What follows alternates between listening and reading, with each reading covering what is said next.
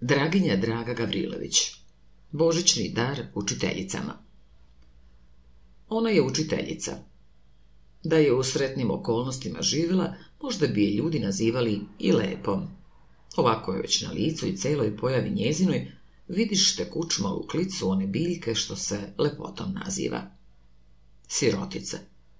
Nju je mnogo, mnogo toplote trebalo, a večito je okruživao tek led da se nije sećala sretnih dana svoga detinstva i tople ljubavi sada joj iznemogla oca i slepe matere, možda bi i propala bila u ledenom muru ljudske sebičnosti i borbi života. Ovako je bar ta uspomena rastopila po neku santu, te je još mogla disati i ponositim pogledom meriti neizmeni prostor toga mora, koji u njoj oduze lepotu i zadovoljstvo, ali i očvrsnu dušu. Duša je beše čelična i čista, ali suce ostaje slabo srce. I ona žuđeši usred te dobro je ledne okoline za toplotom i iskrenošću bar jednog ljudskog srca. Na jedan put, kao da se smilova sudba, i jedan zračak sunca panu i blizu nje. Milan, sinovac ondašnjeg našeg beležnika, reče da je voli. Nije to odmah kazao, ali njoj se činješe da mu to u duši čita. Nije moguće, mislila je porumenevši.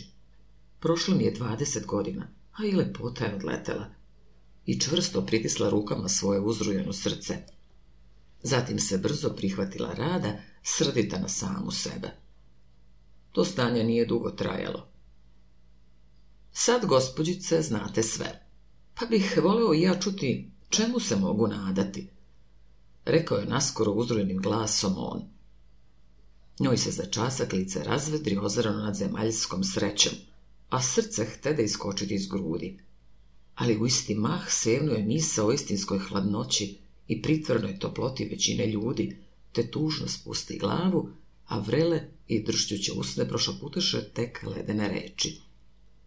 Ja vas iskreno poštujem, ali golim rečima ne verujem. On se drže i to je pogleda. No na reči zastrše mu u grlu. Njen izgled razjasnio mu je sve. Ne smeš da mi veruješ. Mi muški redko smo toga zaslužni, reče tiho i nežno je gledeći on. No odmah zatim ponosito čisto uzviknu. Vidit ćeš me i na delu. Pa s pogledom beskrene ljubavi i naglim pritiskom ruke ode iz sobe.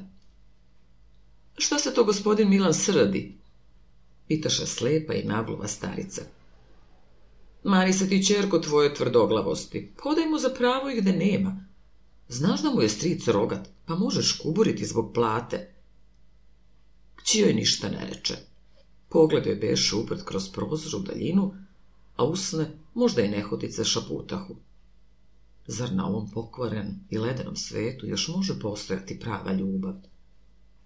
Dugo se zatim njih dvoje ne videše, no u toliko više letiše pisma od jednoga drugome. U njegovim pismima beše toliko toplote, toliko žara, iskrenosti, poštovanja i čežnje, da je i nehotice verovati morala da se led, bar oko nje, topiti počeo i da iz njega čista istinska ljubav podići može. Šta se čoveka tiče nezadovoljstva celoga sveta, kad je on srećen, zadovoljen. Tako je bilo i kod nje. Umjesto pređašnja mira, tuža i stroga izraza sijašo je sada u očima beskrena sreća, veselje i blagost, a je beše umiveno sjajem sreće, a potom tome i lepotom i mladošću. Skorim ću doći da posvetočim svoje reči i delom, glasilo je njegovo potonje pismo. Vrela suza radosti kapnula je na list a dršćuće ruke pritiskoša ga uzrojenom srcu. U smeju i plaču provela je taj dan. On dolazi da i delom celom svetu dokaže da je voli i da je usreći. Pa ko tu ne bi od radosti plakao? Hristos se rodi, rekao je sutradan u tri puta sveštenik u crkvi svojim vernima. istinu se rodi, rekla je dva puta sa pobožnim narodom i učiteljica a treći put joj reči u grlu zastadoše, a srce življe zakuca. Iz leve pevnice pogledoše dva iskreno gledeća oka u žensku crkvu i pogledim zastede zastade na njojzi. On odjeknu je u duši, a taj odjek kao da beše prelazan, jer i on baš tada mišlješe. Ona i zadrhta od čežnje. Nekoliko dana punih sreće protekoše zatim. Dobio sam lepu službicu u svome rodnom mestu. Sutra ću te i od roditelja iskati. Reče i on kad su dobili priliku da se nasamo razgovore, pa je nežno prigrli svojim prsima. Ona nije imala snage da se protivi, nego spusti glavu na njegove grudi i zajeca. Ne plači dušice, tešio je on. Moje babo i majka jedva čekaju da te zagrle. Oh, kako te volim, prošao puta ona. Mogla bih s tobom i na kraj svijeta.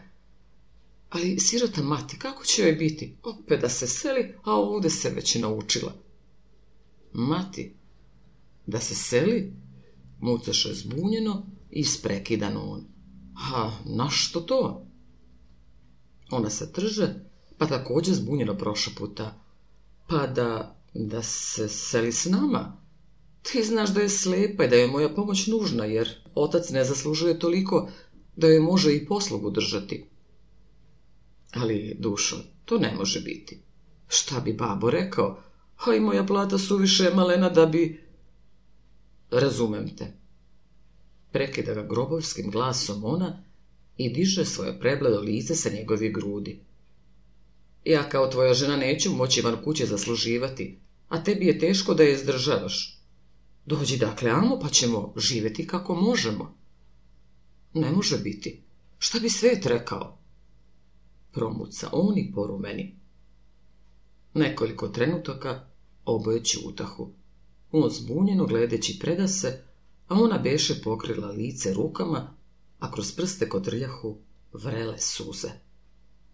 Kad je ta vrela veka suza otišla, uzdahnu ona, pa jedva čujnim, ali stalnim glasom reče — ne može biti. E pa, zbogom. I budi sretan. Pa posrćući i jecajući, izađe iz sobe. Tu noć prvela je bez sna, ali i bez suze. Samo što su je usna češće i nehotice šaputale. Jadna muška ljubavi, a još jadni ponosu, a mene opet veže dužnost. Sutra je dobila od njega pismo. Ono je bilo puno žara, ljubavi i uvjeravanja, da će bez nje nesretan biti, ali ujedno i razlaganja, da njena mati bez nje kad tad ostati mora, te da se manete fiksne ideje, jer veli, niko ne može i neće i punicu držati. Ona dugo gledaše to pismo. Na posledku se bolno osmehnu, pa priđe pisećem stolu i drugćućom rukom napisate kovo. Bez nje ne mogu dužnost me vezuje. To mu je bio odgovor. Tri dana je po tome sa čežnjom iščekivala glasa od njega, ali ga ne dobi. Treći dan zazvrjaše kola uz njen stan i ona nevidljivom silom gonjena poleti prozoru. U koli je sedeo on. Kad je opazi, tužno je pogleda, mahnu rukom i obrte glavu od prozora. Otišao je da se više ne vrati. Njoj se iz grudi ote težak krik i iznemogla pade na zemlju. Mati, mati! Reče zatim strasno obgrliši slepoj starici kolena. Reci da me voliš, da bi bez mene propala, da ne možeš biti bez mene da sam ti ja sa uteha tvoja. O, mati, reci mi to sad, obgrli me samo sad. Starica se istrže iz njena zagrlja i ravnodušno reče. Što se ludiš? Dokle ćeš biti dete? Bolje, to daj mi moju kafu da se ne ishladi. Pa onda gledaj dovrši onaj rad što si ga primila. Sutra ćeš u školu, a treba nam mnogo šta. Tvoju platu ko zna kad ćeš dobiti. Ona zajača od bola, ali naglo ustade i donese starici kavu. Zatim ode opet u drugu sobu, pa se baci pred ikonu spasitelja. Nije plakala, nije uzdisala, samo je goreći pogled upravila na spasitelja, a usno je šaputahu. Bože, spasi me. Slijedi bari moje srce i ne vodi me više u iskušenje. Čitala Dragica Babić